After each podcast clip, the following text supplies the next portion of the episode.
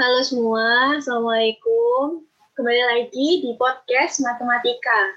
Saya Salma dan rekan saya Indana. Kami di sini akan menjadi host pada episode kali ini. Ngomong-ngomong nih ya, ini kan udah masuk pada episode keempat nih. Dengan tema menjadi mahasiswa aktivis. Kira-kira bisa ditebak nggak gue star pada episode kali ini?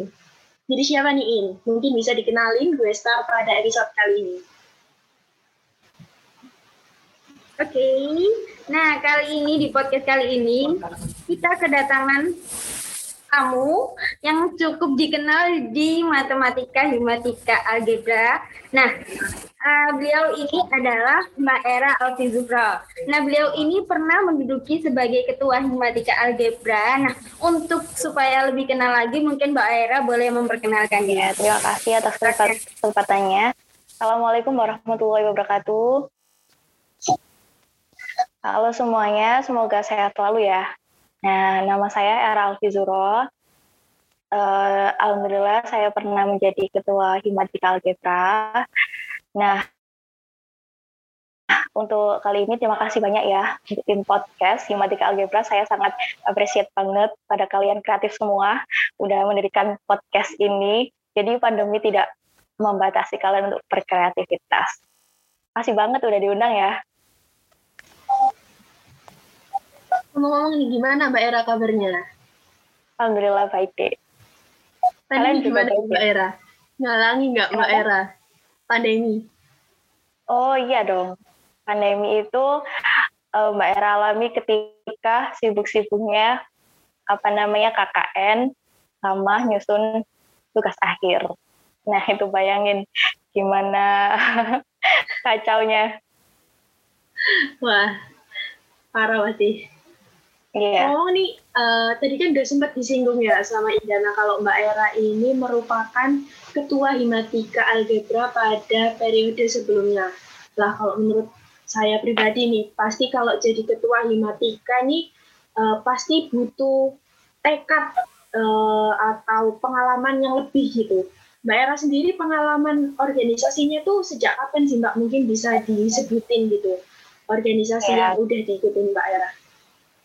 Oke, saya jawab ya. Jadi organisasi yang uh, saya ikutin itu sebenarnya sejak SMP sih. Tapi kalau SMP itu lebih ke apa namanya, lebih ke ekstra ya, bukan di intranya. Kalau di SMA itu juga di ekstranya kayak apa namanya go green gitu loh acara go green. Kebetulan SMA saya itu uh, adiwiyata, jadi apa namanya ekstra yang benar-benar favorit di situ selain paskibra ada juga Green Semandri itu namanya.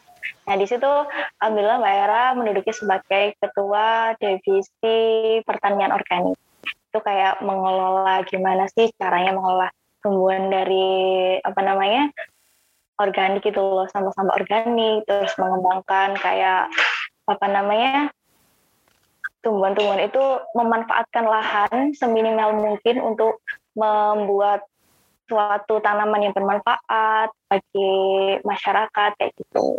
Terus kalau di universitas sendiri itu ya itu tadi sih gimnatika algebra. Kenapa sih saya milih yang intra soalnya uh, saya ini masih gimana ya istilahnya belajar lah kayak uh, sedikit apa namanya takut kalau bersosialisasi dengan lingkungan. Jadinya yang yang paling dekat dengan saya yaitu saya coba itu tadi matematika algebra itu sih Eh, tapi sebenarnya nih, kalau Mbak Ira kan tadi sempat menyinggung tentang takut bersosialisasi.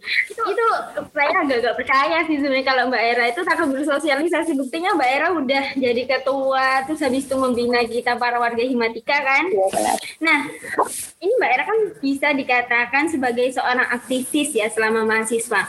Nah, menurut Mbak Era itu aktivis sendiri itu apa sih? Bisa nggak kita ini bisa mendapatkan titel aktivis? Apa harus ikut banyak organisasi atau bagaimana? Menurut Mbak Era gimana? Aktivis menurut saya itu merupakan sebuah gerakan ya. Nah, sebuah gerakan di mana kita itu bisa memberikan manfaat pada banyak orang tanpa memberikan dampak buruk bagi sekitarnya. Jadi uh, menurut saya itu aktivis sesimpel itu sih. Siapa yang berani bergerak untuk masyarakat, bermanfaat untuk masyarakat, itu bisa disebut sebagai orang yang aktivis. Itu sih menurut saya kayak gitu sih. Jadi menurut Mbak Era itu aktivis itu bukan hanya orang-orang yang ikut organisasi, tapi orang-orang yang bergabung di kayak berkecimpung di kegiatan masyarakat atau kegiatan sosial lain, Gak hanya tentang organisasi. Itu bisa disebut sebagai mahasiswa yang aktivis. Oh, iya, gitu. Ya, gitu ya Mbak Era. Gitu, benar. Tapi ada lanjutannya nih, kan biasanya kalau kita itu uh, apa ya kayak melakukan semuanya sendiri sama bersama-sama itu kan beda ya rasanya ya. Beda rasanya beda outputnya juga beda efeknya ke masyarakat juga beda. Nah makanya di universitas sendiri ada yang namanya sebuah organisasi. Organisasi itu merupakan suatu wadahnya. Nah wadah itu kita manfaat ke aktivis ke aktivis kita itu untuk masyarakat. Jadi kayak lebih terstruktur lah kalau di sebuah organisasi itu ya. Sebut aja intra kita organisasi intra kita Himatika Algebra. Nah di situ kan merupakan wadah ya pada kita untuk apa namanya memberikan manfaat untuk orang banyak.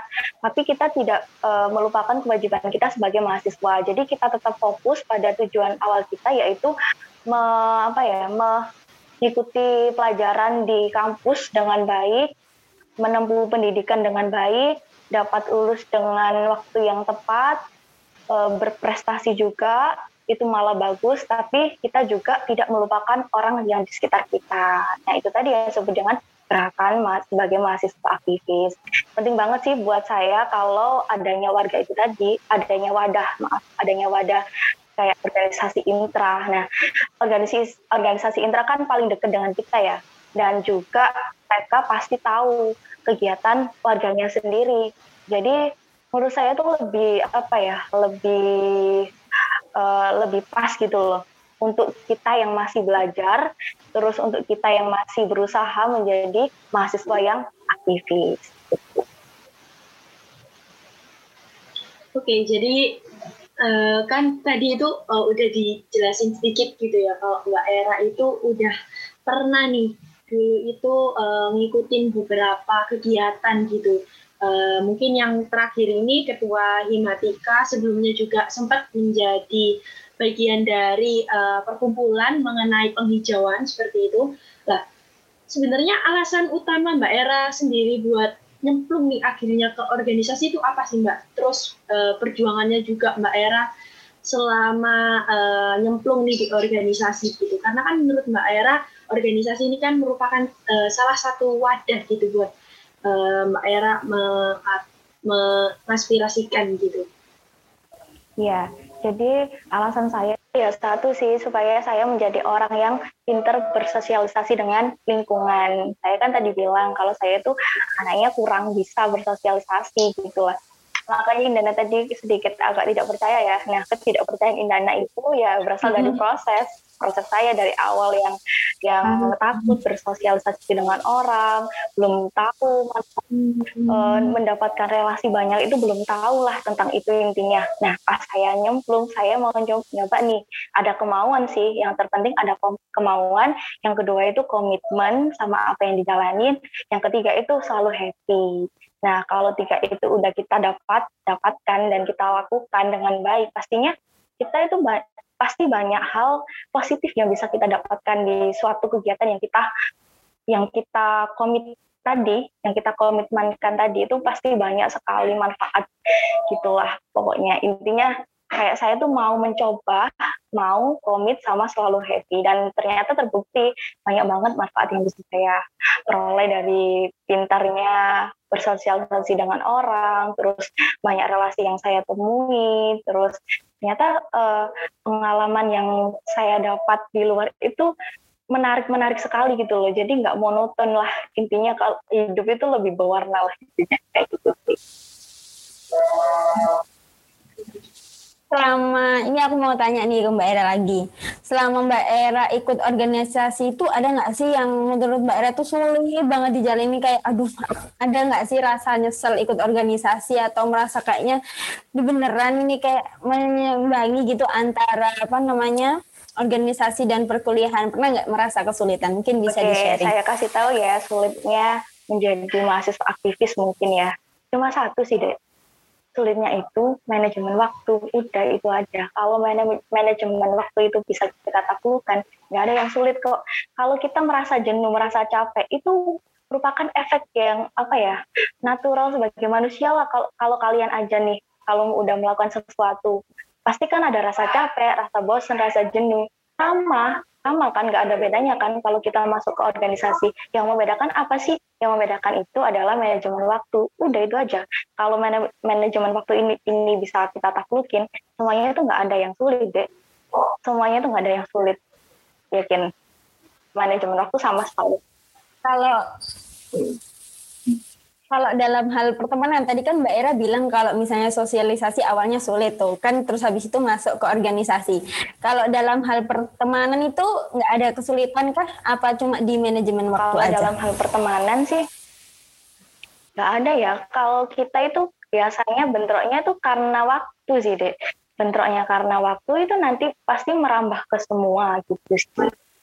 Kalau saya itu kuncinya tuh manajemen waktu yang bagus sama kalau di pertemanan mungkin komunikasi ya. Kalau komunikasi kan di apa namanya di kehidupan nyata juga kita kalau komunikasinya jelek juga nggak bagus kan. Kita untuk ber, ber, berinteraksi dengan orang lain itu kan sesuatu hal yang apa ya uh, sesuatu hal yang harus kita lakukan. Berkomunikasi dengan orang yang baik itu harus kita lakukan suatu keharusan makanya yang saya bilang yang paling sulit manajemen waktu ya itu tadi soalnya kita itu nggak hanya fokus ke satu kita itu fokus ke yang lain gitu ibaratnya kita itu jalan, uh, jalan itu dua-duanya harus jalan gitu nggak ada yang ini lebih ini nanti kekurangan gitu kan nah itu yang sulit sih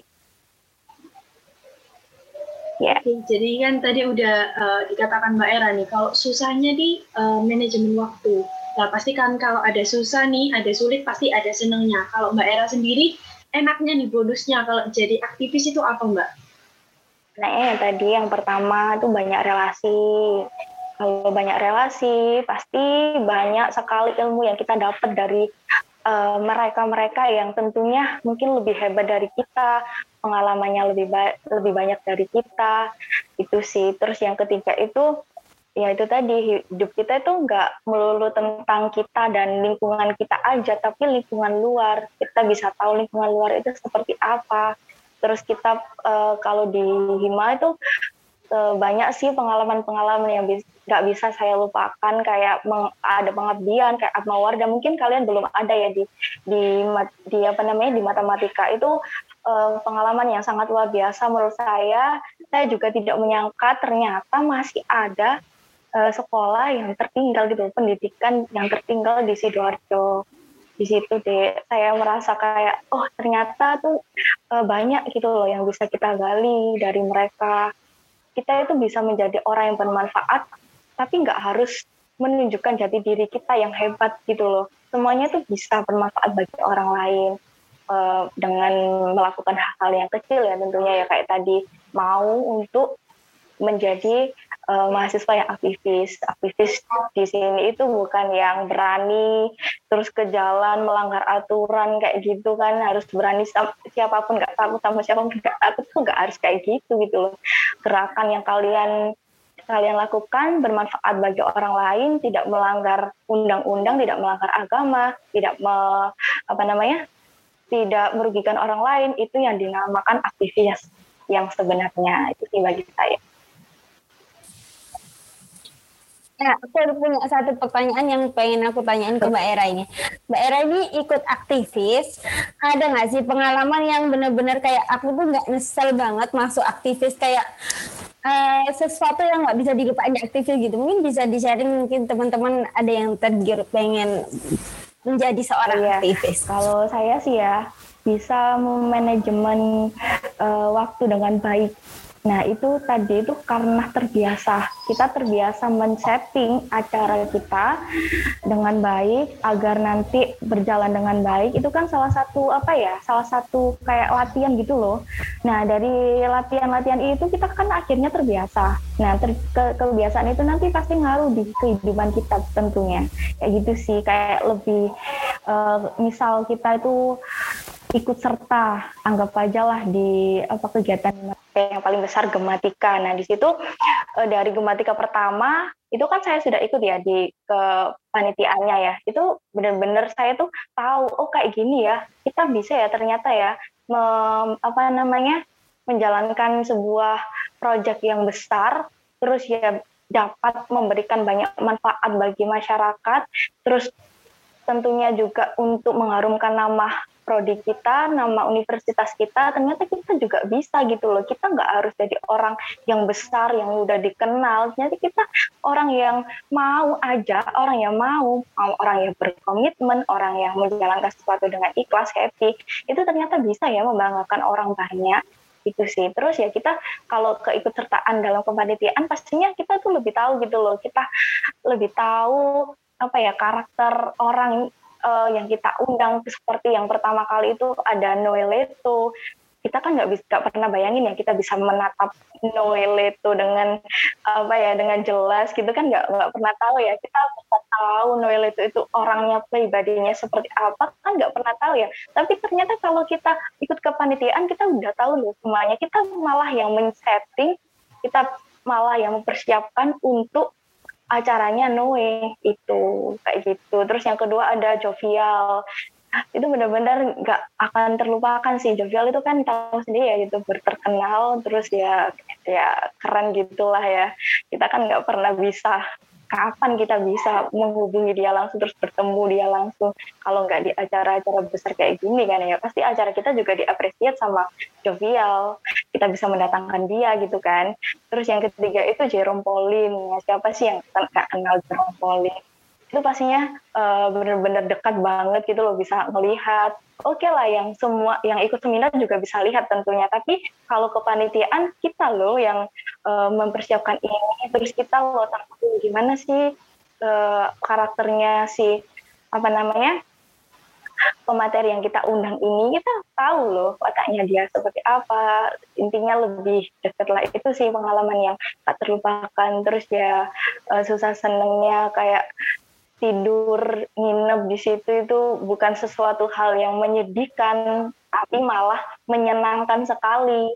Sampai mau wajar ya semua pasti ada rasa itu wajar banget sih itu sih nggak pernah terlupakan terus apalagi acaranya itu diapresiasi dosen-dosen terus uh, semuanya itu tahu kalau mahasiswa matematika bisa menjalankan mengadakan acara sebesar ini itu kan suatu kebanggaan bagi kita yang bukan siapa-siapa gitu itu sih Bener banget yeah. sih. Um, kalau kira-kira nih, daerah kan kalau dipandang dipandang warga Himatika nih, saya sendiri pun kalau mana Mbak Era ini, Mbak Era ini hebat banget sih udah perempuan, ketua Himatika Algebra. Terus habis itu kalau saya lihat sendiri Mbak Era ketika berbicara tuh ya kayak semuanya tuh singkat, padat dan jelas gitu. Mungkin Mbak Era tuh bisa bagi-bagi tips gimana caranya bisa menjadi seseorang yang seperti Mbak Era ini. Sebelumnya saya uh, ucapkan terima kasih ya pada Indana. Menurut saya itu agak terlalu ini sih berlebihan sih. Dan saya nggak nggak sehebat yang kamu pikirkan. Uh, alhamdulillah kalau kalian berpikir seperti itu. Tapi ya semuanya itu pasti ada kelebihan dan kekurangan masing-masing. Tapi dari saya sendiri tuh bagaimana bisa seperti ini? Tentunya dengan pengalaman sih. Dengan pengalaman itu saya bisa uh, apa ya menemukan jadi diri saya. Ternyata saya ini bukan orang yang sulit bersosialisasi. Ternyata saya orang yang bisa belajar dari lingkungan. Dan saya bisa berkembang oleh lingkungan itu sih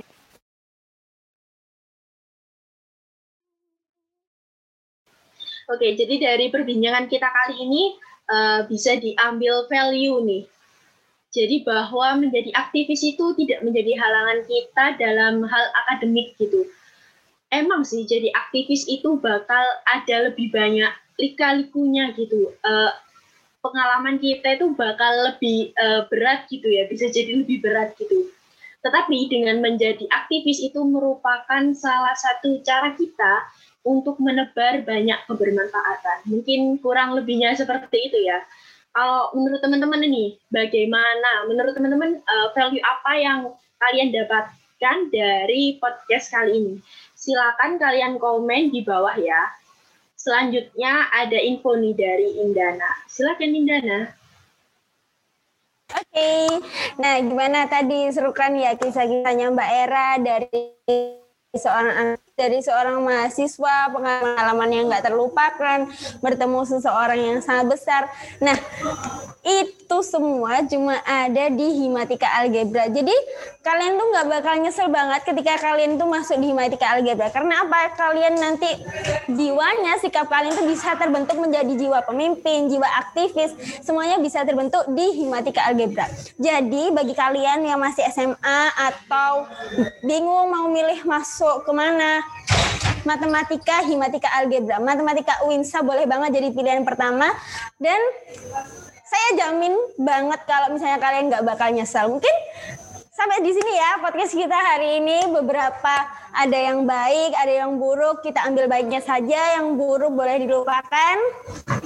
Terima kasih untuk Mbak Era yang uh, sangat menginspirasi kisah-kisahnya dan petuah-petuahnya.